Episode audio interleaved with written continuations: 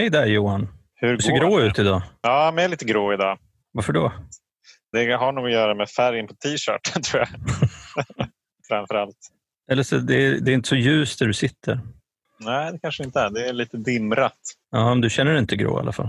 Nej, jag känner mig inte grå. Jag känner mig väldigt glad faktiskt. Ja, du ser livet i färg. Ja, det, det, det, det är inte bara gråskala i alla fall. Hur mår du där inne i garderoben då? Eh, jag mår fint. Du, jag har en fråga. Ja. Hur är det med sinnesron? Sinnesron, det är faktiskt ganska bra med den. Mm. Här, den har varit bättre, men den har också varit mycket sämre. Mm. Eh, även under eh, nykterheten. Det har varit eh, ja, men en ganska intressant period. Jag har märkt att jag har en, en, en liten rutin som jag implementerat är att jag tar en powernap direkt när jag kommer hem från jobbet. För Mm. att liksom landa i att komma hem. Så typ, innan det här samtalet så sov jag 15 minuter.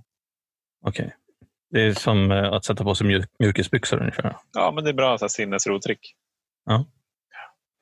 Skönt. Själv då? Jag hade, jag hade, eh, jo, jag mår bra. Jag hade, jag tog en promenad igår med en vän i programmet som eh, vi just diskuterade det där på hur man såg på, på rädslor och eh, obehagligheter och eh, såna här katastroftankar.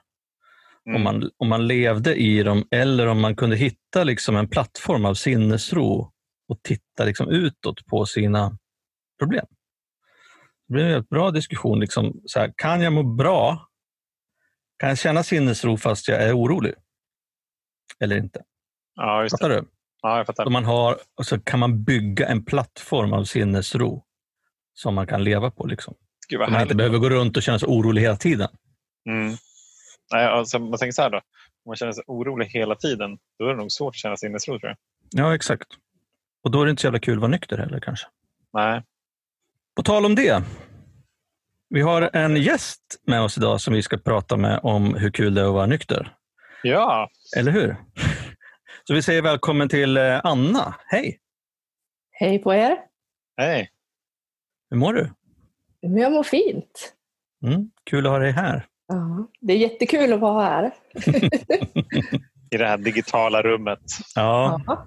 vi, vi konstaterade ju faktiskt här precis att du har ju, du har ju faktiskt funnits med i Alkispodden liksom, eh, Alkispodden-gänget redan från innan vi släppte första avsnittet. Stämmer. Berätta om det.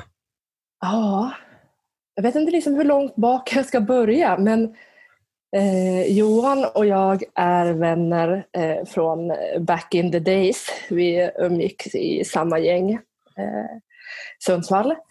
Eh, och sen har vi träffats på på lite olika grejer. Alltid tyckt, tyckt om Johan, haft ett gott öga. Vi har gått på lite fester tillsammans och, och haft roligt. Och eh, så allt, ja, allt blandas ihop lite men, men i alla fall så gick ju han ut och sa att han hade blivit nykter. Och Mm. jag blev ja, skitimpad över, över modet. Så gick det väl ett tag och sen så började jag bli lite mer nyfiken på det där. Så jag tog kontakt med Johan och bara ställde lite nyfikna frågor om hur det var att vara nykter. Jag vet inte varför. Men du, Och en fråga. så- En fråga, en fråga. När, när du fick höra att han hade blivit nykter, blev du förvånad eller tänkte du att ja, det var väl på tiden? Nej, jag blev förvånad. Hur tänkte du då? Jag, jag vet inte tusan hur jag tänkte. Jag tänkte bara shit vad, vad modigt och kanske att det hade jag inte en tanke på. Att det skulle kunna vara så. Att min bild av hur en alkis var, var inte så som jag såg på Johan. Nej. Det är den här bilden där. Mhm. Ja, den där bilden, ja. Mm. Men du, eh, du berättade att du blivit lite nyfiken också och ställde en del frågor. Eh, hur kommer det sig att du liksom hamnade då som ja, i dina sena 30 år, eh, vad det nu kan ha varit, 37, 38, 39 eller något sånt där, när, när du började fundera på det här. Hur, hur, såg, vägen, hur såg vägen ut till, till att du hamnade just i de där frågorna? Vad hade du för, för, eh, för härliga dryckesrutiner? Ska jag ta hur de såg ut då eller vill ni höra min, min, eh, min liv? Vi behöver inte gräva hela livet, men eh, jag tycker väl kanske att det jag tycker själv att det är mer, mer intressant att höra om, prata om alltså det där som händer sen när man väl liksom börjar hamna i någon jävla utförsbacke och inte riktigt mm. kan hantera saker och ting. Mm. Vi skrev ju det i, i presentationen av mig igår, men jag har alltid sett mig som en, en eh, livsnjutare. Har ofta mm. fått höra liksom polare som säger Anna, du kan verkligen konsten av att njuta av, av livet. Och jag har alltid haft det skitbra. Jag har ett, ett gott liv och alltid haft ett, ett gott öga för att dricka mycket alkohol. Jag tyckte att det har varit lite fräsigt liksom, att kunna dricka stora mängder av alkohol. Ölhävartävling för att impa på några grabbar och sånt där som funkade ibland och funkade skitdåligt ibland. Mm. Men, har du liksom kunnat häva öl? Nej, jag kunde inte häva så här med öppen, öppen strupe, men jag kunde dricka väldigt fort. Ja, just det. Och eh, ja, tålde mycket. Jag blev väldigt sällan liksom crazy bananas och blev helt, helt karaktärsförändrad. Men det vi skulle komma till var då hur det fortsatte sig med livsnjutandet. Precis. Jag eh, tyckte om att festa, var ute jättemycket, kom till en, en punkt då jag inte kunde stå ut med att vara bakis. Och jag kunde liksom inte stå ut med ångesten som jag hade efter utekvällar. Fruktansvärt alltså kemisk ångest och ångesten över vad tusan jag hade hittat på för någonting, även kanske inte hade hittat på någonting. Så jag slutade gå ut lika mycket men tyckte fortfarande lika mycket om att dricka alkohol. Jag har ju tänkt mycket på det här, hur, hur liksom historien har sett ut. Och det är faktiskt en specifik dag som, som eh, kanske öppnade upp fönstret för att jag utvecklade alkisheten. Och det var att vi hade liksom haft starka principer, liksom, vad man får göra och inte göra och så här gör man. Och dricka hemma själv var en sån grej som det gör man inte. Och då är det inte att jag gått omkring och hållit mig för att jag skulle vilja, men inte gör det, utan jag gjorde bara inte det. Fram tills en dag då jag skulle måla om mitt hem. Hade ställt ihop allting så där i mitten på golvet som man gör och lagt någon pressändning över och tog fram penslar och hade inga snickarbyxor men ni förstår känslan mm. där. Liksom. Och så har jag sett på film typ hur man knäcker en bira och målar lite sådär härligt och, och dricker kall öl samtidigt. jag ser det framför mig. Ja. Det är jävla härligt ut faktiskt. Ja riktigt livsnjutning. Så där, eh, och det var, det var 2013. Så där började liksom dricka hemma-karriären. Men hur, hur tänkte du på det då? Tänkte du då bara som en kul grej att göra när man målar om eh, och sen bara fortsatte det? Eller, eller hade du liksom några betänkligheter efter du hade gjort det?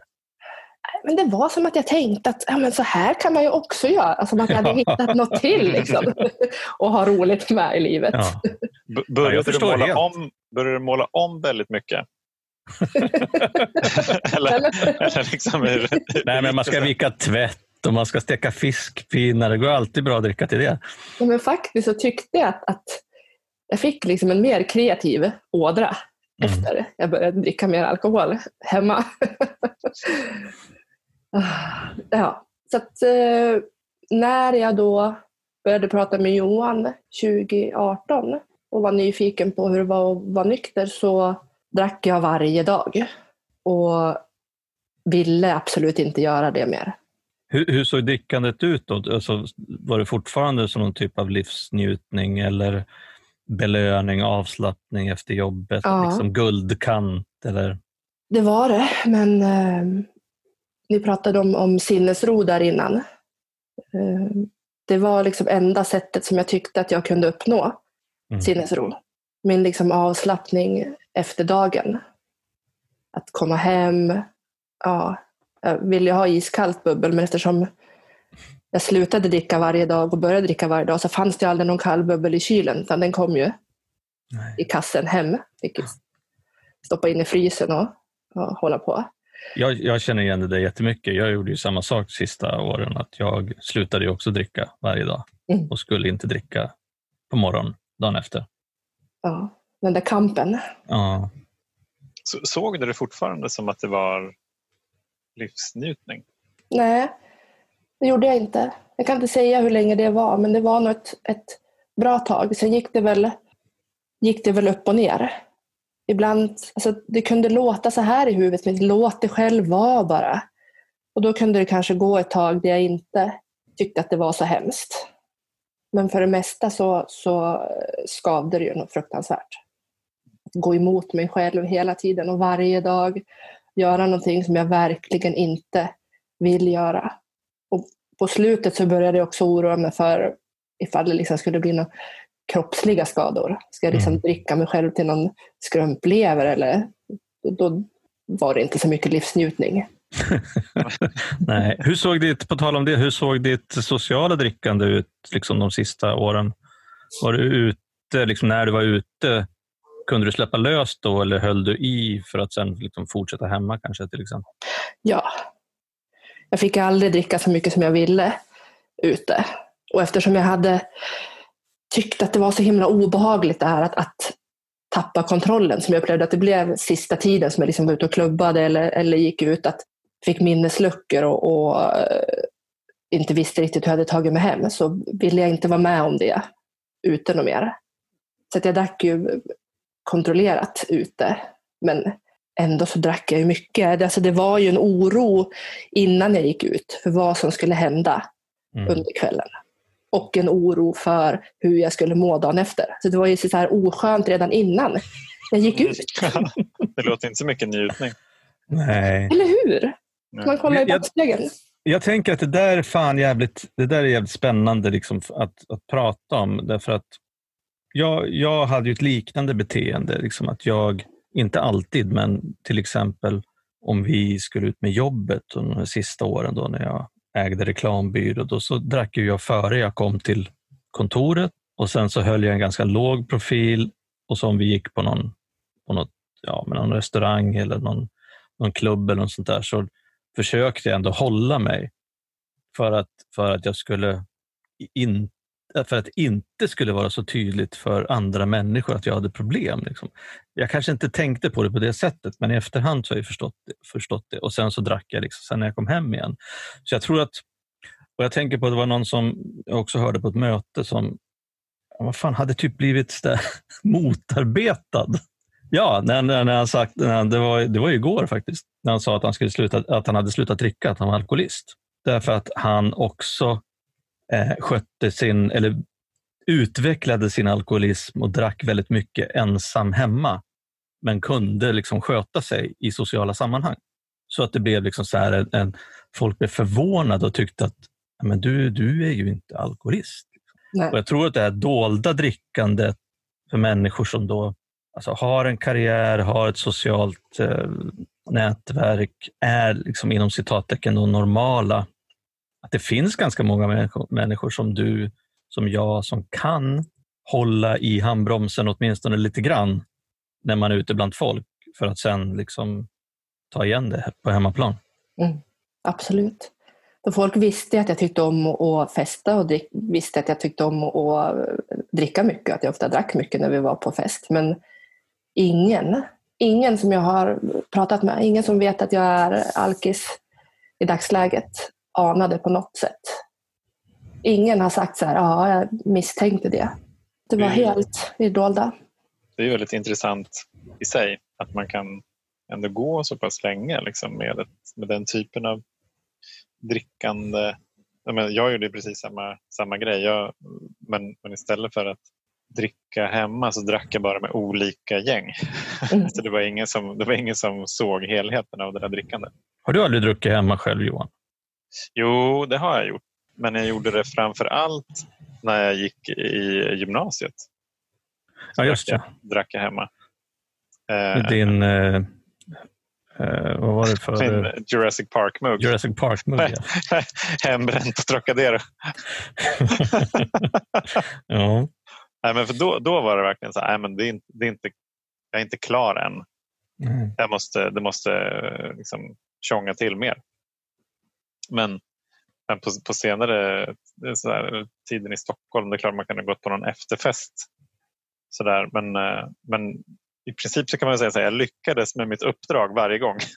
att, att dricka så mycket som jag ville innan jag kom hem. Så när jag gick hem, eller jag liksom blev hemskickad kanske, då, då kunde jag inte dricka något mer. Utan jag fick liksom jag fick, eh, fick nog utanför hemmet. Men ibland kom jag hem 8, 9, 10 på morgonen. Starkt jobbat. Tack. ja, men du Anna, de här, eh, de här frågorna som dök upp då när, när, du, när Johan hade blivit nykter, vad, vad var det som började liksom form, formas i din skalle då, då? Jag kommer inte riktigt ihåg, men det jag vet är att en sak ledde till en, en annan. Att jag hade under ett lång tid, om jag kollar tillbaka, så här, skrivböcker och allt möjligt. Du vet. Älskar ju personlig utveckling. Ah. Så hade ju... Har du sökt en lättare och mindre krävande väg? jag skulle kunna doktorera. ja att det har stått mycket om att jag vill lära mig att dricka måttligt, jag mm. vill eh, sluta dricka, jag vill att mycket liksom om det där. Så det hade pågått rätt lång tid men jag hade inte eh, förstått riktigt hur utan bara testat massa olika sätt att, att reglera det, hitta på massa olika regler. Så när jag pratade med Johan och kunde liksom se på honom att han, han pratade om ett, ett lyckligt liv där han mådde väldigt bra och så lyssnade jag på något sommarprat, jag kommer inte ihåg vem det var. Och så vet jag inte riktigt hur allt hänger ihop i kronologisk ordning, men ni började ju sända Alkispodden där på sommaren. Ja, och du var ju en av dem som fick eh, tjuvlyssna.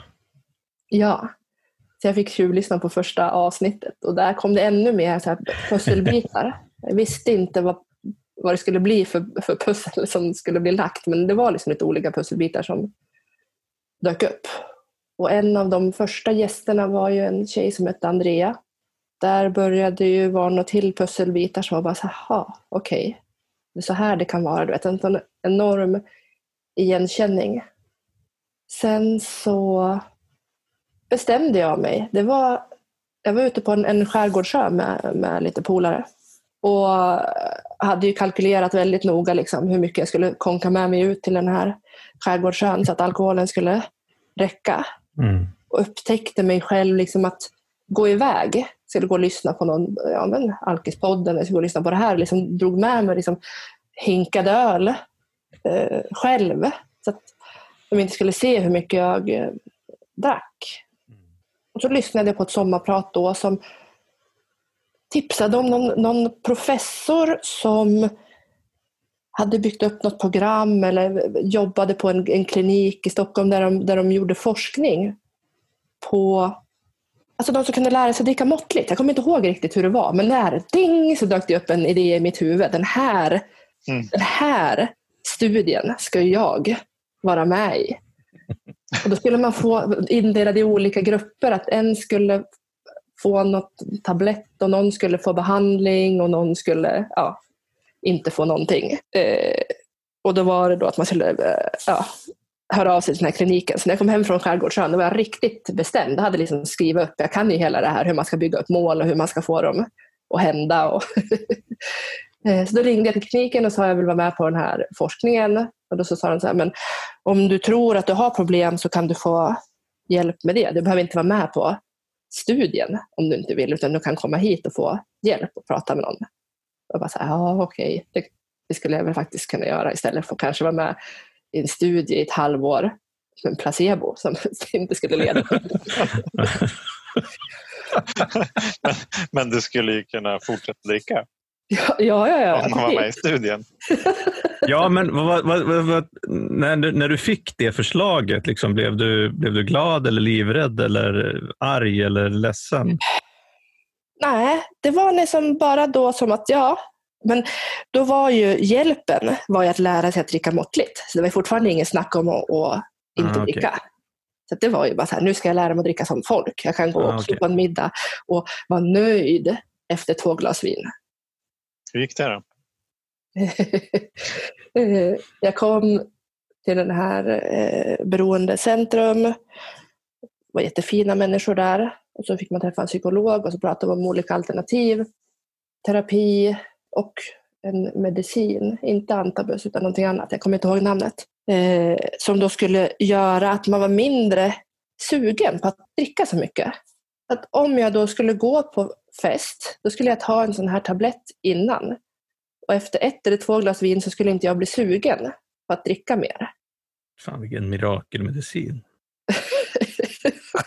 ja, så jag fick liksom till nästa gång på mig att fundera hur mitt upplägg, vad, vad jag skulle vilja liksom göra. Ska jag testa den här medicinen eller hur ska vi gå tillväga? Liksom?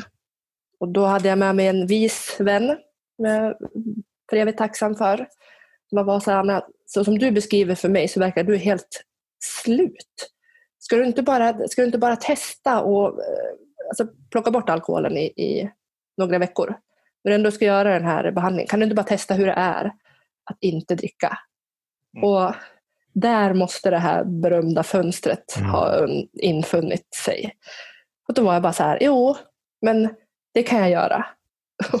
och efter den dagen så har jag inte druckit alkohol. Fantastiskt. Ja. Och när var, när var det då? Vilket datum? 9 september 2018. Mm. Hur länge tänkte du att du inte skulle dricka då? Ja, men hon bara drog till med något till, till nyår. Mm. Ja, det här är helt oförklarligt hur jag ens kunde säga liksom så här, ja, ja, men vi, vi kör på det. ja. ja, men är man tillräckligt desperat någonstans och det gör liksom tillräckligt ont, så då är det är då... Ja. Alltså min erfarenhet är det är då det där fönstret kan öppnas. Liksom. Jag orkade verkligen inte mer. Vad heter det när du lyssnade på avsnittet med Andrea? Mm. Vad var det du fick med dig då? Jag fick med mig att någon som jag upplevde liksom hade levt alltså lever ett, har levt ett gott liv, lever ett gott liv, inte har varit, jag tror inte jag hade varit i kontakt, haft någon aning om någon förutom dig då eh, Johan som liksom har levt ett gott liv. Förstår ni vad jag menar? Mm. Inte varit liksom utslagen, tapp, tappat allt eller börjat tappa allt men ändå har sådana problem. Så jag förstod liksom att det var möjligt. Att mm. det, det, är så svårt att förklara. Ja, men jag tänker, det handlar väl väldigt mycket om identifikation förstås. Jag menar, ja. Det du är inne på, att, att se att det finns normala eh, människor som har, både hade ett gott liv och nu också har ett gott liv i nykterheten med liksom en krasch däremellan. Att det liksom finns. Mm. Precis, så igenkänning eh, och att hon pratade då om, om lösningar, att det finns en lösning att faktiskt eh, leva eh, djävulskt gott. Att det inte var allt som jag var rädd för, liksom att aldrig ha roligt igen. Alltså, det var helt omöjligt att förstå hur livet skulle se ut. Ja.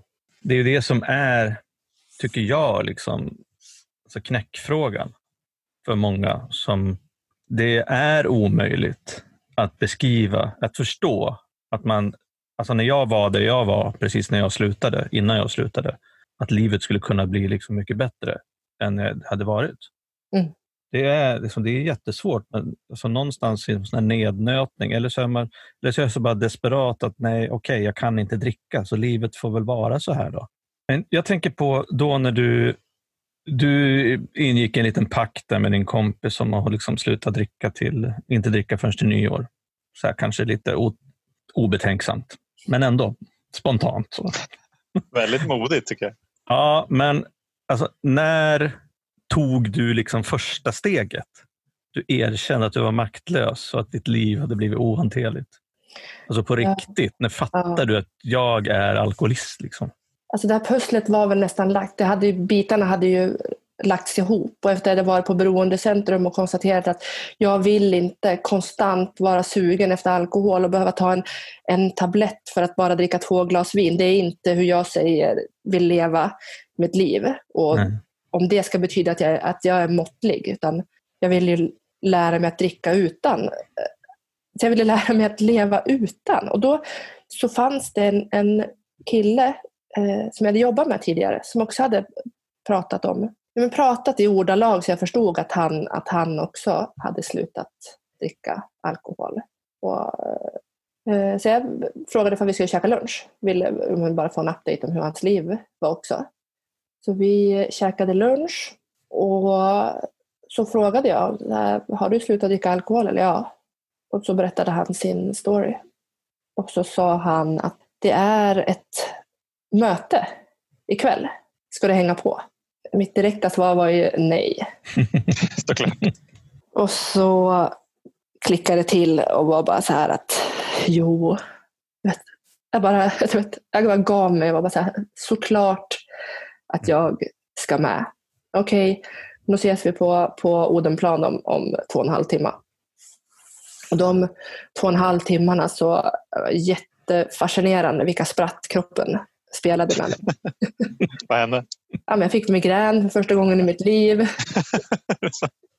Jag har aldrig varit så hungrig någonsin i hela mitt liv så jag trodde knappt att man skulle kunna släpa mig till mötet. Magen gick liksom åt fel håll. Det var helt absurt. Men eh, jag gjorde det. Eh, jag gick på mitt första tolvstegsmöte och jag vet inte om det låter klyschigt men det är känslan jag kände att är precis här jag ska vara. Det var så mm. jäkla, jäkla, jäkla häftigt. Alltså sitta i ett rum med andra tokar. Liksom. Mm. Andra, andra som delar historier som är precis som min. Jag är liksom inte eh, ensam i det här. All den här skammen som jag och burit på så himla länge kunde liksom börja sippra ut. Ja. Men eh, jag tänker på en sak också som vi pratade på innan vi började spela in, eh, pratade om innan vi började spela in här. Att eh, du och Johan hade ju fortsatt kontakt då, minns jag. Så, och eh, jag vet att eh, han berättade att du, när du då hade blivit nykter, att du kände att du tyckte att det var jävligt jobbigt liksom, att prata om att du hade blivit nykter. Att, eller att andra människor skulle veta, få veta liksom, att du var nykter eller, eller att du var alkoholist. Och att det fanns en skam också i att liksom, ha blivit nykter. Hur, hur eh, var det med det och hur är det med det idag? Det är en intressant fråga för mig också. Det är inte riktigt färdigtänkt i huvudet runt det. Alltså, men det jag tror då var att, alltså att ha burit på så här mycket skam och verkligen skämts över det jag har gjort och vetat att det liksom inte är okej. Okay. Och att, sam, att jag tänkte att liksom samhället ser på sådana som jag med väldigt liksom oblida ögon. Att alkisar är ingen som man litar på. Jag vet mm. inte allt. Liksom, oh, jag drog om, omkring med. Mm. Och att då säga att jag är alkis så är det lika med att de ska tycka de här sakerna om mig.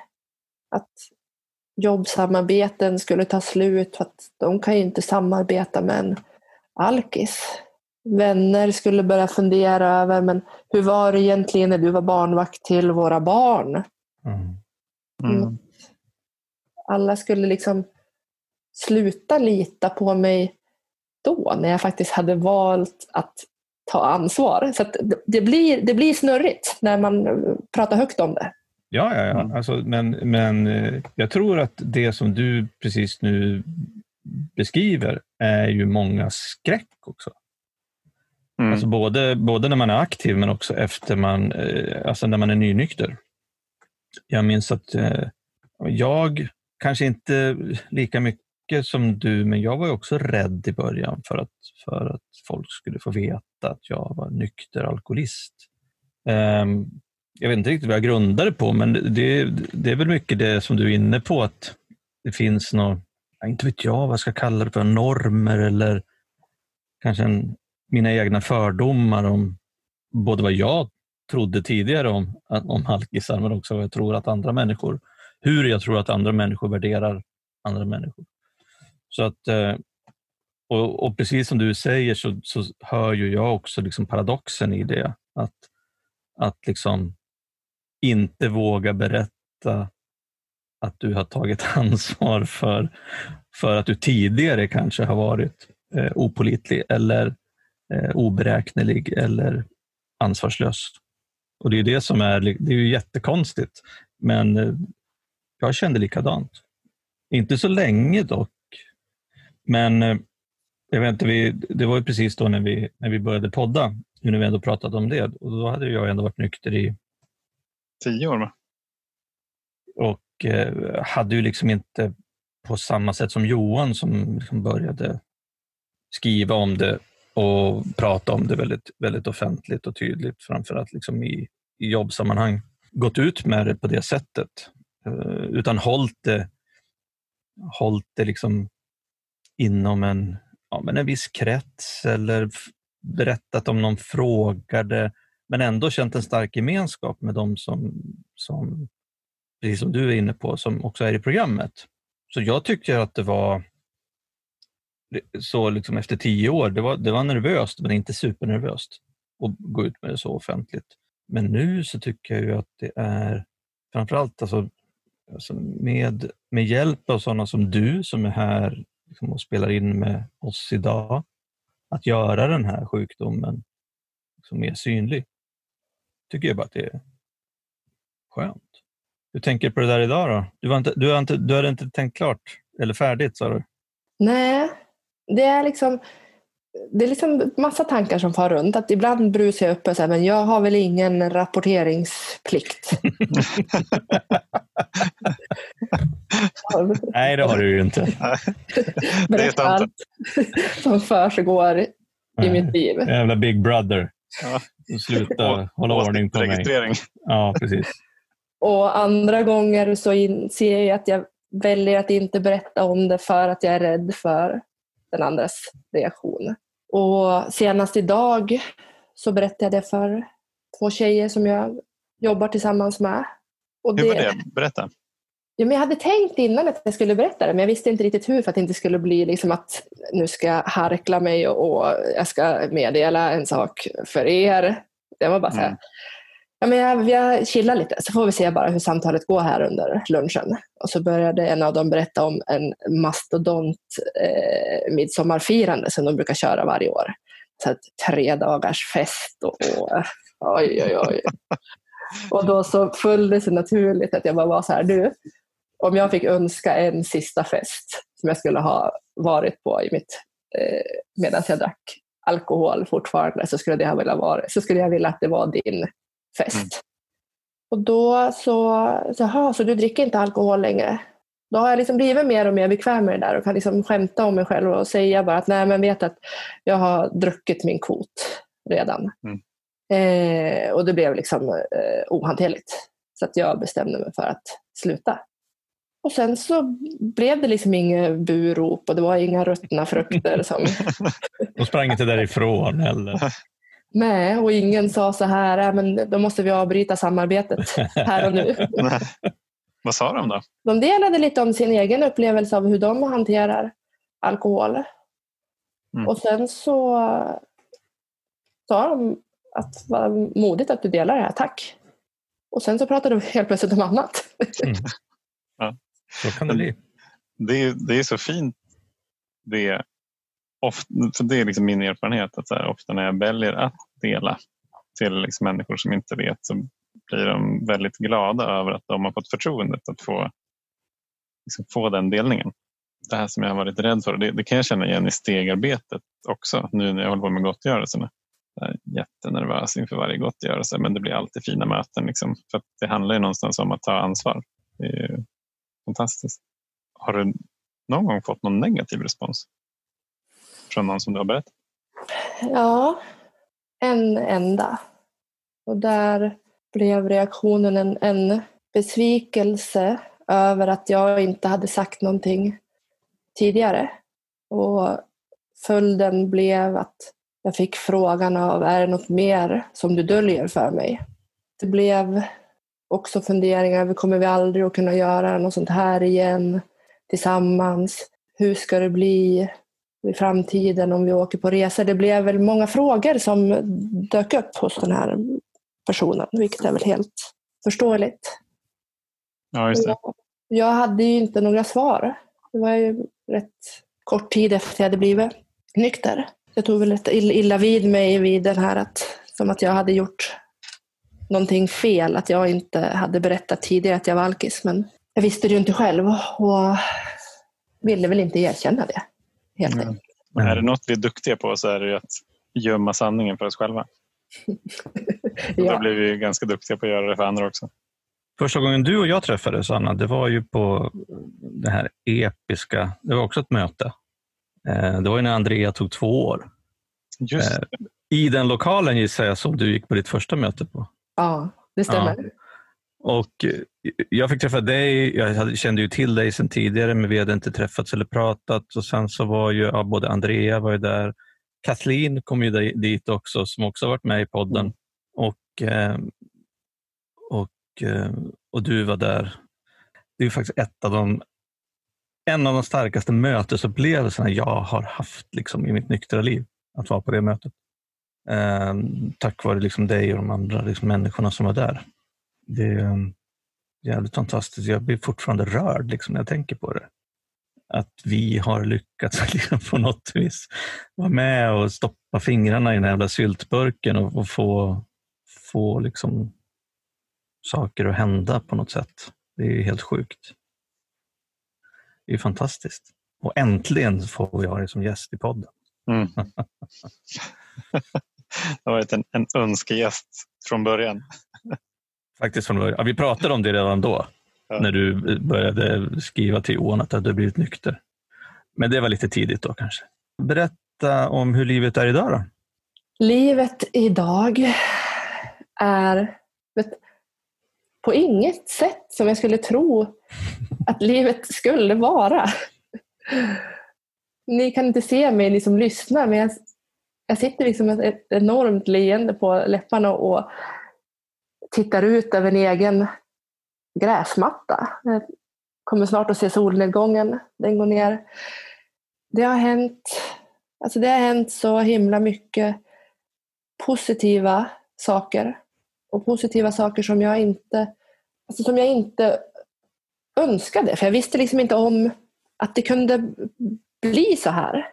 Alltså när jag plockade bort, plockade bort alkoholen så fanns det så mycket utrymme för annat. Mm. Och det första som hände var att utrymme öppnades för eh, kärleken. Så att jag eh, träffade min, min sambo Mm. bara några månader efter. Jag hade väl letat efter, ja, letat efter honom med blåslampa liksom, flera år innan. Alltså jag hundra gånger lugnare, även om jag liksom är ja, men, otroligt intensiv, så är jag ju lugnare. Jag har en, en tillit. Det ni pratade om innan, det här med oro. Så jag är i grunden orolig. Så jag får ju jobba med det. Men så bra som jag hanterar oro och vet att jag kan hantera det som kommer min väg. Liksom, men, diametralt annorlunda mot hur jag kan ha känt det tidigare.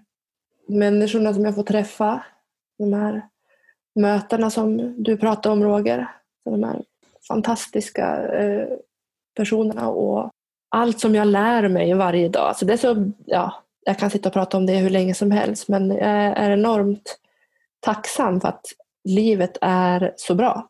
Sen kan jag absolut, man ska behöva tillägga det liksom att det är mindre bra dagar och saker som händer som jag inte tycker är helt fantastiska men skillnaden är att jag inte behöver någon alkohol för att hantera de grejerna utan jag själv hanterar dem med, hjälp av alla olika verktyg som jag har fått. Jag är nyfiken på om det är någonting som är sämre idag. Nej men nej. Jo, men, jo, jo, det finns faktiskt en sak och det är att vara på fest. Det, Mm. är, det är inte lika roligt faktiskt. Hänga med vännerna eh, gör jag jättegärna men det behöver inte vara att alkohol ska vara inblandat. Det finns liksom en, en time limit för hur länge jag orkar vara på fest. Så det, det ska väl vara det. Men jag har varit på så himla mycket fest i mitt liv så att jag är jättenöjd på den biten också. Vad tänkte du Roger? Nej, jag funderar på, kan inte du berätta din take liksom på lösningen också? Min take på lösningen är alltså det allra första och som var så sabla, sabla svårt var att be om hjälp. Mm. Det allra första steget, att jag vågade visa mig så sårbar som jag aldrig någonsin har gjort. Och det var ju att sträcka ut en hand till min vän. Bara Mm. säga att jag vet att jag har insett att jag har alkoholproblem. Där började det liksom. Och sen att jag fick följa med på första tolvstegsmöte. Där fick jag rådet att komma tillbaka på ett andra möte och att ta en sponsor. Och jag var liksom i ett läge där det inte fanns något utrymme på något sätt att börja dividera och fundera över att jag skulle göra det på mitt sätt. Vilket det oftast annars är. Så jag gjorde det de sa och jag stannade kvar lite grann efter mötet och då kom det fram så fyra, fem tjejer. Presenterade sig och, och bara sa så här, du får jättegärna ringa om du vill. Och så skrev de ner sina telefonnummer. Och jag hann ju tänka så här, nej men jag skulle aldrig falla mig in och ringa och ta någon annans tid med mina problem. Och då var det väl någon som hade tänkt likadant och sa innan jag gick att jag blir jätteglad om du ringer för att det hjälper mig också. Då så hjälpte det faktiskt mig med att ringa till en tjej direkt när jag kom hem. Det jag också gjorde var att fråga en av de här tjejerna om de kunde tänka sig att vara min sponsor. Så redan på mitt första möte så frågade jag en tjej som eh, jag tyckte hade en, en jättehärlig utstrålning. Hon såg så himla glad ut. Och alltså jag får gåshud när jag säger det. Det visar sig vara Andrea. Som, Mm. Nej, du, aha, du visste inte det? nej, Wow som jag lyssnade på podden och som fick mig att ens dra igång hela den här resan. Så att Andrea är min sponsor. Första tiden så pratade jag med Andrea varje dag. Fick hjälp med henne att göra de här 12 stegen. Det tog mig över ett år att gå igenom stegen. Det jag gör i dagsläget är att jag går på möten online. Jag kan sitta i min soffa och få ta del av de här fantastiska delningarna och få Mm. läsa om stegen. Och jag har lite härliga rutiner. Jag ber varje morgon och varje kväll. Och jag eh, överlämnar mig till eh, en högre makt. Så att jag inte försöker kontrollera allt. Att jag faktiskt... Inte allt, Nej, inte bara allt. lite. Jag försöker, jag försöker liksom att lära mig vad kan jag faktiskt påverka och vad ska Ja. jag lämna till någon annan att, att göra. Var det där, det med högre makt, hur var det för dig? Var det, var det någonting som kom naturligt? Hade du med dig det sedan innan eller fick du jobba med det? Jag hade inte med mig det. Alltså, om jag tänker att jag har hållit på med, med yoga och mediterat och grejer, så att jag har ju hållit på att dra runt lite med, med universum. Mm. Eh, Du var runt lite med universum. Ja. och jag tror att jag kanske hade hört något att ni hade delat, eller jag vet inte, men de pratade om, om kärlek och, och lite grejer. Så det var inte helt främmande. Men Gud var ju, för att jag skulle be till Gud var jag inte riktigt bekant med. Men att be om hjälp till någon som inte var jag, eftersom jag hade försökt att, lösa det här på eget sätt sabla länge, då var jag liksom helt öppen för att testa. Så att jag körde på. Sen blev det naturligt. Liksom. Jag funderar inte så mycket över vad det är för någonting utan bara lägger, lägger liksom min tillit till att saker och ting blir som de ska bli. Det låter ju svårt, tänker jag. Ja, Ja, det låter svårt för oss som ska tänka så jävla mycket på allting Ja, och ha liksom rationella argument för och eller emot eller fördelar och nackdelar på kort och lång sikt. ja Nej, Nej, men- business caset för Gud. ja, precis. Och det är väl det som är tricket, tänker jag. Att våga släppa kontrollen över... Alltså lite grann så här, för att alltså andra steget kom till tro på att det fanns en kraft större än jag själv som kunde återge mig mental hälsa. Och för att göra det, för att återfå mental hälsa, så måste jag släppa liksom på det som jag kallar för, då för ja, men det här, de här rationella, det här rationella tänkandet och bara våga, våga tro istället för att tänka. Eller veta. Det finns en anledning till att det heter tro och inte veta. Liksom. Han är smart Roger alltså.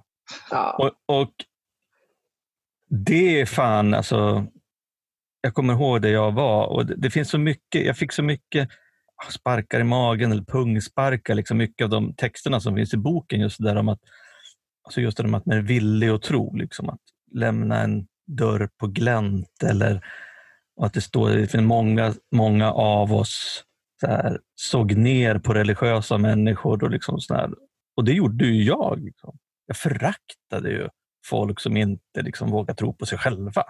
Och för att där var jag, liksom, men för att det var det jag visste. Men sen så slog, slog det mig, jag vet inte om det är ifrån, det, det finns någon text i Stora boken som handlar om att, att jag är bara en människa på, av många miljarder på en jätteliten planet i det stora universum och så vidare. Och så vidare.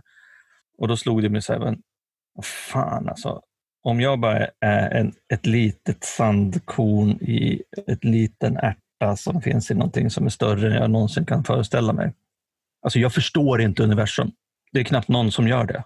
Ändå finns det. Och det är kanske är så att det här med, med Gud och en högre makt och andlighet, det kanske inte ens meningen att jag som människa ska kunna förstå det. Och så bara släppa taget om att ja, men jag kanske inte förstår. Jag behöver inte förstå. Det behöver inte vara rationellt. Jag vet inte om jag rant om det där, men jag tyckte att det var jättesvårt i början. Det tog inte så lång tid för mig, men det var svårt. Men sen när det väl släpper, liksom, då, då tycker jag att... Alltså det, är, det som Anna är inne på, just det där att eh, du gjorde som de sa och sen så har det blivit så. Att i, genom att göra saker så får jag nya vanor. Och när jag får nya vanor så blir de plötsligt normala. Och efter ett tag när de har varit normala, då är det som, det här har jag väl alltid gjort. Så här har det väl alltid varit. Mm. Och eh, tricket är att komma över den där tröskeln liksom, och göra saker tillräckligt ofta så att det blir liksom det nya normala, tänker jag. Så att nu är jag helt bekväm med att det finns en högre makt, en kraft som är större än jag själv, som jag inte har en aning om vad fan det är för något. Och motbevisa mig om ni kan. Det är en helt annan podd. Ja. ja. Har du några andra godbitar där i dina dagliga rutiner? Eller? Men jag har ju helt plötsligt börjat älska tidiga morgnar. Mm. Det här är ju också nytt i mitt liv. Så att jag har ju utvecklat en, en morgonrutin som egentligen skulle kunna pågå hela dagen. Vi kommer in på någonting annat, men det, en, en, det finns en, Miracle Morning, en bok och allt möjligt. Men när man ska göra saker, flera saker på morgonen innan man drar igång dagen för att liksom, eh, ge sig själv de bästa förutsättningarna. Så förutom att jag ber, att jag mediterar, så skriver jag en eh, tacksamhetsdagbok. Eh, jag funderar över saker som jag är tacksam över. Det kan vara allt ifrån att jag sov gott till att jag har vatten som kommer ut genom kranen till att jag har möjligheten att få vara med i den här fantastiska podden. Jag eh, skriver också några ord i eh, dagbok om eh, dagsläget. Och sen så går jag igenom min dag i förväg. Tackar för resultatet av dagen. Jag tackade i morse för att det skulle vara roligt och gå så bra på podden. Det liksom blir en mm. för, för, för programmering. Och i den här rutinen så finns också en punkt för träning. Men eh, den är inte alltid varje dag. Den mm. kan tullas lite med. Vilken smart grej, alltså att eh, på något vis att förutsätta framgång. Mm. Att säga, det här kommer att gå bra, tack för det. Det ja. blir en helt annan eh, inställning. Ja. Till det. Men eh, hur lång tid tar din morgonrutin? Om jag måste snabba på den så eh, tar det 30 minuter. Men jag tycker bäst om när det tar en timme. Mm, okay. Du, jag, har, eh, jag tänkte på, du, du säger att du skriver både tacksamhetslistor ehm, ja, och dagbok. Men det verkar som du skrev, du pratade om skrivböcker tid, sedan tidigare också, om personlig utveckling. Skrev du dagbok förut också? Nej, jag skrev... Jag, jo, det går ju i, det går i skov. Mycket går ju i Mm.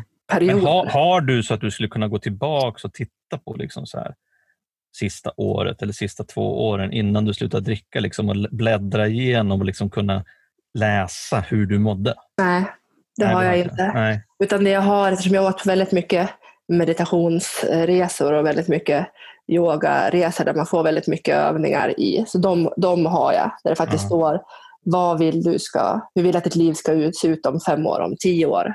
Vad vill du ska hända nästa år? Där har det stått, det, där har det stått väldigt mycket om. Ja, men där finns det väl lite ledtrådar i alla fall? Jo, jo, jo, absolut. Och det har ju, där har det ju handlat väldigt mycket om relationer som har varit en av sakerna som har varit svåra att hantera. Alkohol, mycket liksom brottan, brottandes och fightandes med, med mig själv. Har ju gått, tyckt att det har varit liksom, att jag aldrig varit rädd eller haft någonting emot att gå och prata med någon. Så att jag har ju gått i terapi och coaching och allt möjligt. Vilket väl började med att jag jobbade för mycket. Så att jag började gå i terapi för att liksom lära mig att kunna säga nej och tycka på något sätt att något var, var good enough som jag gjorde. Sen så har det där liksom fortsatt. Så jag har alltid haft någonting som jag har hållit på liksom att mäckla med mig själv om. Du har sagt, som jag, har, jag tror att det är du Roger som har sagt det här med fabriksinställningar. Liksom. Jag har väl alltid jobbat med det, att försöka liksom justera mina fabriksinställningar så att livet ska, jag vet inte ifall det är någon som att livet ska vara smooth, men att livet Mm. att jag ska förstå mig på lite grann. Kanske att jag, ja, men just det kanske som jag börjar lära mig mer och mer, det här att kunna veta att jag kan hantera saker. Vad heter det? Det är ju flera av våra lyssnare som har sett vår eh, frågelåda och har verkligen intresserat sig för det här måttfulla. Att, ehm, ja, du har haft svårt liksom hela livet att göra någonting måttfullt. Så flera har frågat så här, men hur gör man då egentligen för att, för att ställa om så man kan göra som bra saker med måtta? Mm. Till exempel ja, här, mat, godis och så vidare. Hur, hur gör du? Hur tänker du kring det där idag? En sak som jag har gjort är att, att kolla på vad jag har för styrkor och vad jag har för svagheter. Att jättemycket av mina styrkor, att jag blir väldigt engagerad, att jag tycker saker är väldigt gott. Eller att, alltså allt det här som är positivt med att inte vara måttlig. Alltså när det går till, till överstyr. Då jag menar? När en, en styrka går för långt. Att när jag kommer igång och tränar så ska jag liksom springa maraton. När jag börjar äta godis så ska jag äta samma godissort i all, varje dag. Alltså senast till min kille igår så han gjorde jättegod korv med mos. Det var så här, kan vi inte äta korv med mos varje dag? Att, det är ju magiskt. Men, så det blir att, att jag, lär, jag lär mig mer och mer hur jag, hur jag fungerar och kan liksom snabbare eh, bli medveten om okej Anna, nu, nu håller du på med det här. Okej, vad behöver jag göra för någonting? Jo, Mm. det kanske är att jag behöver, behöver eh, be en bön eller det kanske är att jag behöver bara ta det lite lugnt och få lite distans till det jag håller på med för att få en insikt om att ja, men just det, nu överdriver du lite grann. Eh, Mm. Med, med träning så har det varit så att jag bestämde mig att träningen skulle bli hållbar istället för att jag skulle anta olika utmaningar. Och då blev det ingen träning alls. För att hållbarhet kändes som det mest tråkiga jag någonsin hade varit med om. Det är väl inte våran paradgren som alkisar direkt.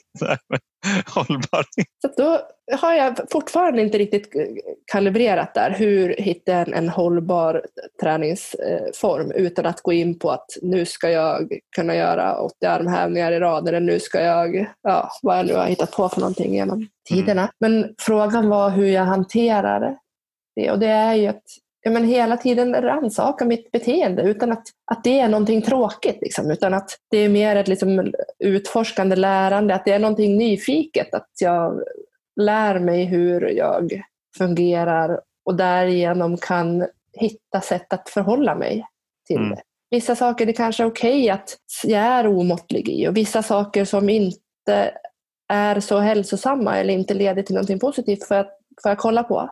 Och sättet som jag jobbar med, med alkoholen går att applicera på väldigt många andra delar också. Har du gjort det? Jag håller på.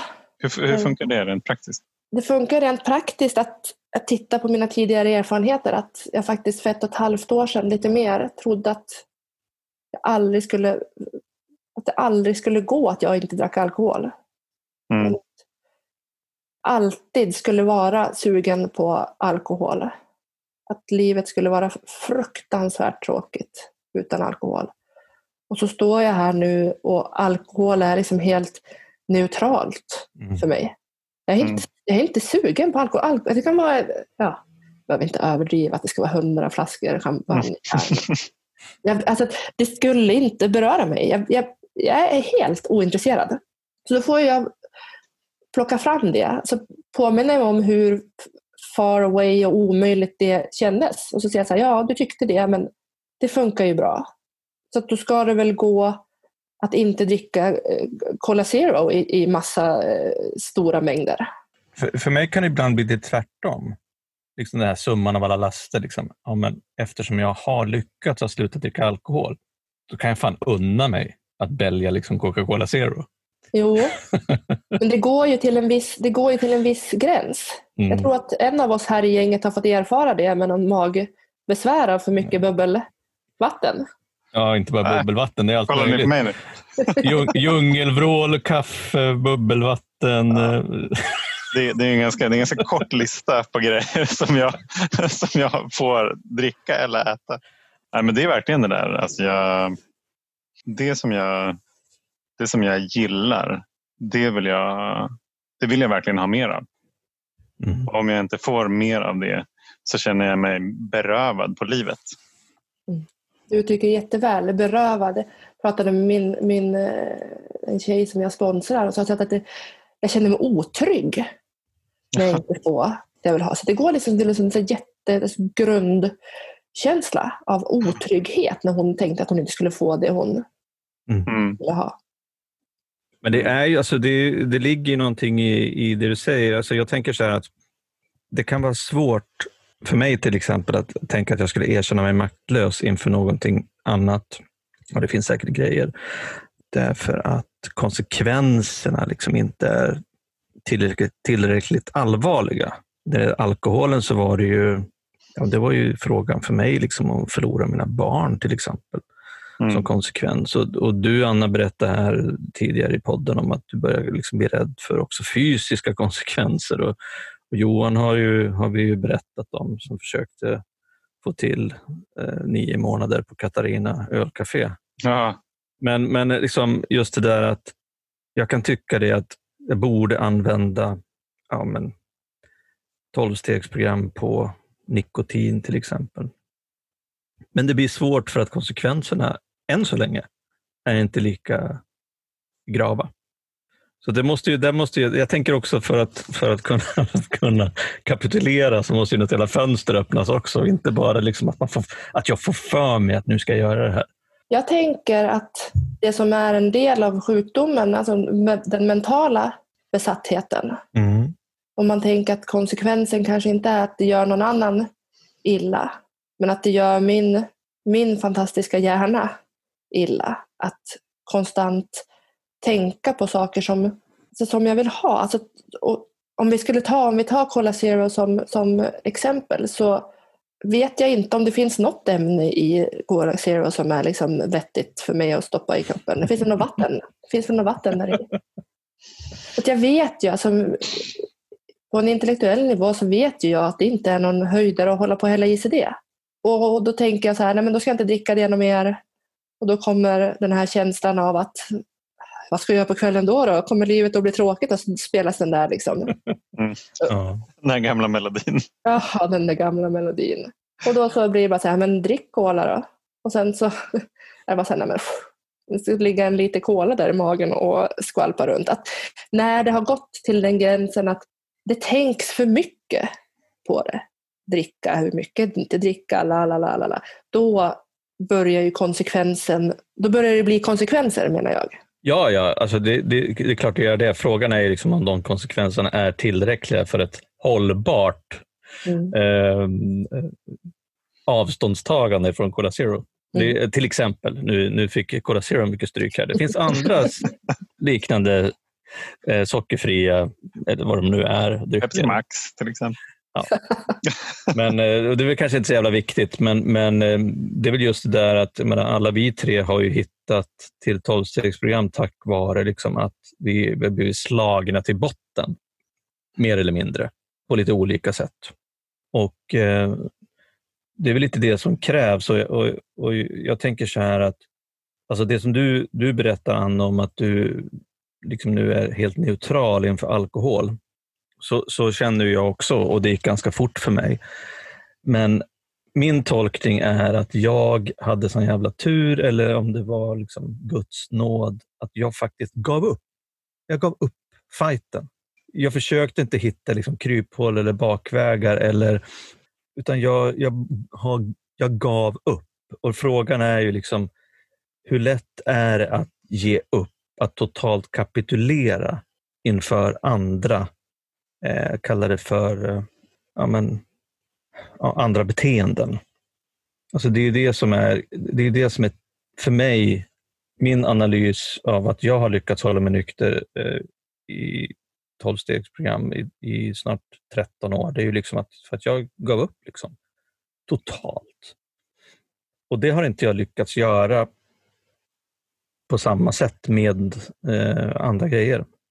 Eh, jag har gjort några få försök, men, men liksom det är just den här, den här totala kapitulationen. Att liksom inse att liksom, spelet är över. Mm. Grattis alkohol. Mm. Du har vunnit. Jag ger upp. Du kommer inte behöva liksom, don't come here anymore. det finns ingenting här att hämta. Det är en så jävla härlig känsla. Ja.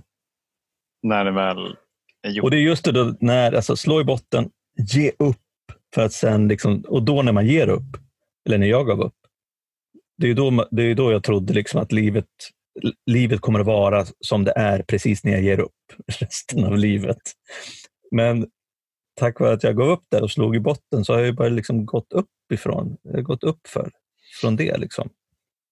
Och Då hamnar jag ju på ett, i ett läge liksom just nu där för, förhoppningsvis går kurvan fortsätter ju uppåt, även fast livet kan gå liksom upp och ner och fram och tillbaks. Men, men eh, ifrån den där kapitulationen och, och, så finns det ju liksom, ja men det är där hoppet börjar komma. Askan är den bästa jorden som ni vet. Anna, vet du vad jag tänkte på? Vad skulle du ha sagt, tror du, om, om jag hade sagt till dig på, på Marlies i Sundsvall 97 här, juni 97 att, att du och jag kommer ha ett samtal i, en, i ett, eh, ett, kallar ett radioprogram som heter Alkispodden om, om hur det är att vara nyktra alkoholister. Vad hade du sagt då? Nej men eh, jag skulle väl ha... Men, jag vet inte, jag trodde att du var full. Och Vilket jag förmodligen var. Snacka goja. nu, nu är det fyllesnack igen. Ja. Ja, det är lite kul att tänka på så här 23 år senare. Typ. Hur det kan bli. Mm. mm. Och att jag sitter och ser på det här som någonting positivt. Alltså det finns ingenting i mig som sitter och är ledsen nu över att jag är med i Alkispodden och pratar om att jag är alkis. Och det är ju bara omöjligt att förstå innan. Mm. Ja, precis. Det, det är nog det största, den största liksom mindshiftet tror jag. Att faktiskt tänka och tycka och känna att det är någonting positivt. Jag skulle inte vilja ha det på något annat sätt. Har vi fler frågor från eh, lyssnarna? Från audio, auditoriet. En, en, annan fråga är så här, något steg eller inslag i stegarbetet som du fick lägga lite extra energi på för att hitta rätt i? Jag stannade rätt länge i alla steg. Um, det är ju ett steg som är steg nummer eh, fyra. Där mm. man tittar på det som kallas ens karaktärsdefekter. Man tittar på människor som man kanske är arg på eller människor som man kanske har gjort illa eller saker som man har gjort illa. Man, man går igenom och rannsakar sig själv. Och jag eh, är ju nyfiken av mig och eh, positiv i grunden. Så jag gick ju in liksom och sa ja, nu kör vi det här. Det ska bli spännande. Och hamnar väl lite oförberett in i liksom ett, en inte så härlig plats av att mm. titta på, på saker som att inse saker om mig själv som inte var så himla härliga. Så där, där stannade jag rätt länge och det är jag glad för att jag gjorde. För att eh, jag fick se saker som jag bara sa, men så här vill jag inte vara. Mm. Och sen har jag ju fått redskapen för att inte behöva vara så något mer. Vad, vad kunde det vara till exempel? Vill du ge något exempel? Jo, men att, att jag har kontrollbehov som tur är så är jag alltså, godhjärtad och, och välvillig person. Men jag kan ju se i vissa relationer och, och saker att jag kanske har men försökt att, att kontrollera och då ska jag inte ta i och säga att jag har medvetet manipulerat men, men kanske försökt att styrt och ställt på vissa sätt. Mm. Jag, eh, jag inser att jag är väldigt styrd av, av rädsla på olika sätt. Det kan ju också te sig i uttryck att jag vill vara omtyckt. Så att allting som jag har gjort kanske inte har kommit direkt från mig utan kanske har kommit för att jag är rädd för vad någon annan ska tycka och jag har anpassat mig väldigt, väldigt mycket i mitt liv. Jag har en fråga. Mm. Du berättade ju att du har eh, ja, men även tidigare varit nyfiken på, på självutveckling och sådana saker. Så du har gått i terapi och du har gjort andra saker innan du började jobba i tolvstegsprogrammet. När du gjorde fjärde steget till exempel, upptäckte du då att eh, ja, men det finns ju så jävla mycket här. Det finns mycket här som inte jag liksom har sett, förstått eller tagit upp tidigare när jag har försökt eh, utveckla mig själv?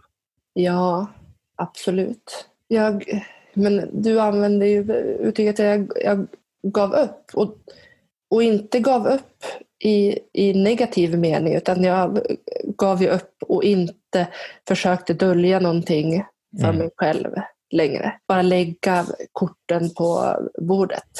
Så, så absolut, jag kan, inte, jag kan inte sätta fingret på någonting så här. Nej, men jag tänker, jag tänker också att den här kapitulationen gör att vi faktiskt måste och vågar och eh, faktiskt eh, inse att vi, vi måste vara ärliga med oss själva. Mm. Och det hade ju åtminstone jag ingen chans eller lust med innan jag blev nykter. Jag gick ju också i terapi liksom, och hittade på både det ena och andra. Det är så, det är så klassiskt alkis att ljuga för sin terapeut. Ändå. Ja. Och tänka att man kommer undan. Fan vad fint. Du, jag, jag skulle vilja återkoppla till en grej som, som jag frågade Johan här tidigare innan vi började släppa in dig i sam, samtalet. Eh, hur är det Anna? Har du sinnesro? Jag har sinnesro. Jag har inte alltid sinnesro. Men jag har mer sinnesro än jag trodde skulle kunna vara möjligt för den person som jag är. Och den här sinnesron är ju en, en, helt annan sinnesro än den jag trodde att jag hade när jag var eh, berusad på balkongen efter att ha druckit bubbel. Mm. mm. Det är ju en, en fri, en, jag kommer tillbaka till det igen, det är ju en, en, en frihetskänsla. Så ja, och ibland nej. Ja, det är väl så det ska vara, tänker jag. Man kan inte ha sinnesro jämt. Det som, det som slår mig när du berättar det där, Anna, det är att det var nog alltid sinnesro och frihetskänsla som jag var ute efter. När, när du drack? Mm. Jag bara hade helt andra verktyg då än vad jag har nu. det är jävla dåliga verktyg. jag hade en, hade en, en, en, en trubbig såg och en, en, en gummihammare. Så körde jag med dem i 25 år. Jaha Johan, eh, vad tänker du på? Nej, men jag tänker att det är, det är så jävla häftigt det här som jag och vi får vara med om när som cirklar sluts. Mm. Att det är så fint att kunna få få sitta i, i den här podden och föra det här samtalet med liksom en kär vän som jag har känt i över 20 år. Och att livet på sina olika steg och äventyr som den tar oss kan föra oss till liksom den platsen och den gemenskapen som vi har haft och jag under de här senaste två åren som vi bara har fördjupat vänskapen. Jag tycker det är så himla häftigt. Och jag blir så glad att höra. Jag har varit så nyfiken och spänd på det här samtalet. För att vi, har ju, vi har ju hörts under de här åren. Men att få, att få höra liksom dig berätta mer och djupare om hur det är. Och liksom bara höra om livet. Jag blir så himla glad. Så känner jag en stor tacksamhet. Vad tänker du Roger? Ja, jag tänker på lite samma sak. Alltså det finns ju börjar det bli nu en rad med människor som, som liksom hör ihop, som har gästat podden. Ehm, och Anna är ju liksom en av dem och det, det är så jävla fint tycker jag också. Som också då var del av det där episka mötet som, som jag kom, mm. alltid kommer bära med mig i hjärtat. Sen tycker jag att det är, ehm, ja, men det, det är spännande att prata om de här grejerna liksom som, som du berättar om, som jag kan känna igen mig mycket i. Att, ja, just det att, att sluta, sluta dricka varje dag och börja dricka varje dag. Det, så var det för mig också. Och Sen så tycker jag att det är så jävla magiskt. Det är så, det är så kul att prata liksom om lösningen. Jag är så glad att, ehm, att du har hittat, hittat den här lösningen och att, att du pratar om den på ett sånt fint sätt. Det, det, jag tycker det är väldigt härligt. Jag är också jätteglad att få snacka med dig mer om de här grejerna. Vad tänker du Anna? Så här. Min hjärna är faktiskt slut. Men jag känner som att hjärtat skulle ha växt sig, växt sig lite större. Mm. Jag känner att jag är jätteglad att, att, att ni är med i mitt liv. Och att jag har fått möjlighet att, att dela och prata med er idag. Så känslan är, är fantastisk. Finns det något liksom, sista du skulle vilja skicka med till de som lyssnar? Men jag skulle vilja skicka med att, att om, om det finns någonting som du vill fråga mig eller om det finns någonting som jag kan göra för att hjälpa dig som lyssnar så ja, alltså, hör av dig. Jag tror att det går att lösa via er grabbar. Mm. Vi kan förmedla kontakt. Ja, så att min min första grej, alltså det största jag någonsin har gjort är att be om, om hjälp. Och vilken situation eller läge du än är i som lyssnar så kanske jag kan bidra med någon form av hjälp. Så det är väl det jag vill säga. Hojta till. Jag kommer tänka på en grej som du sa som jag tyckte var så, så, så bra. Som sammanfattar också det här med hur livet kan bli.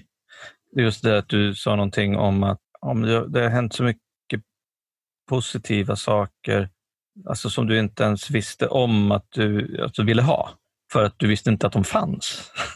Eller att, att livet kunde bli på det sättet. Och Det, det tycker jag sammanfattar ganska bra även för mig, hur jag tyckte att, alltså, vad jag hade för, för bild av livet när jag var aktiv och drack och innan jag liksom upptäckte den här friheten som finns i, i, i lösningen och i ett nyktert liv. Just att jag hade ingen jävla aning om att livet kunde vara så här. Men nu har jag det. Då plötsligt så inser jag att ja, men det, var ju så här, det var ju det här. Och Det är också någonting man kan skicka med till, till lyssnare som också funderar på, kommer det bara vara grått och tråkigt att sluta dricka? Nej, inte om man, eh, om man eh, som jag har gjort och som vi har gjort, använder sig av eh, de, de lösningar som vi har hittat så, så kan ju livet bli helt fantastiskt. Det är en bra påminnelse. Nej, men så jag kan verkligen relatera till det där att de sakerna som jag drömde om i det aktiva det var ju mycket mindre än det jag uppnått i det nyktra livet. Jag visste inte ens att man kunde ha de här grejerna. Det är magiskt. Tänk att man får ha det så. Ja, men du Johan, du har ju sagt någonting sånt där. Hur vet jag ens om jag gillar de här grejerna? Eller kan tycka så att jag bara upptäcka saker som jag tycker om och sen bli lite liksom arg för att jag blir besviken på mig själv för att jag tycker om dem mm. i nykterheten. Jättelöjligt, men, men bara för att vi har sådana här gamla föreställningar om hur man eller jag borde vara eller vad jag tycker om. Ja, exakt. det nyktra livet är på ett sätt för mig en förbättring av mitt liv, men också ett helt, helt okänd mark som Mm. trampas upp liksom för varje dag. Så kom hit ni som sitter på, på andra sidan stängslet i mörkret. Slå i botten bara, ge upp och kom över på andra sidan. Ja. nu avrundar vi tror jag. Ja, nu rundar vi. Nu avrundar vi. Innan Roger spårar ur helt. Ja. Det är också, det är också en sån här, ha- ha liksom plötsligt den friheten att få spåna ut och liksom helt jävla flippa i en podd. Mm. Det trodde jag inte innan jag drack i slutet av veckan att jag skulle sitta och göra. Nej. Och till och med att vi inte ens har klippt bort det här. Nej, kanske inte det. Nej. Det visar sig väl. ja. ja, underbart. Ja, tack Anna, för att du står ut med oss, Anna. ja, tack så jättemycket. Vilket, eh, vilket jäkla samtal. Tack grabbar. Och fint, att- fint att ses. Och jag hoppas att vi kan ses ordentligt snart.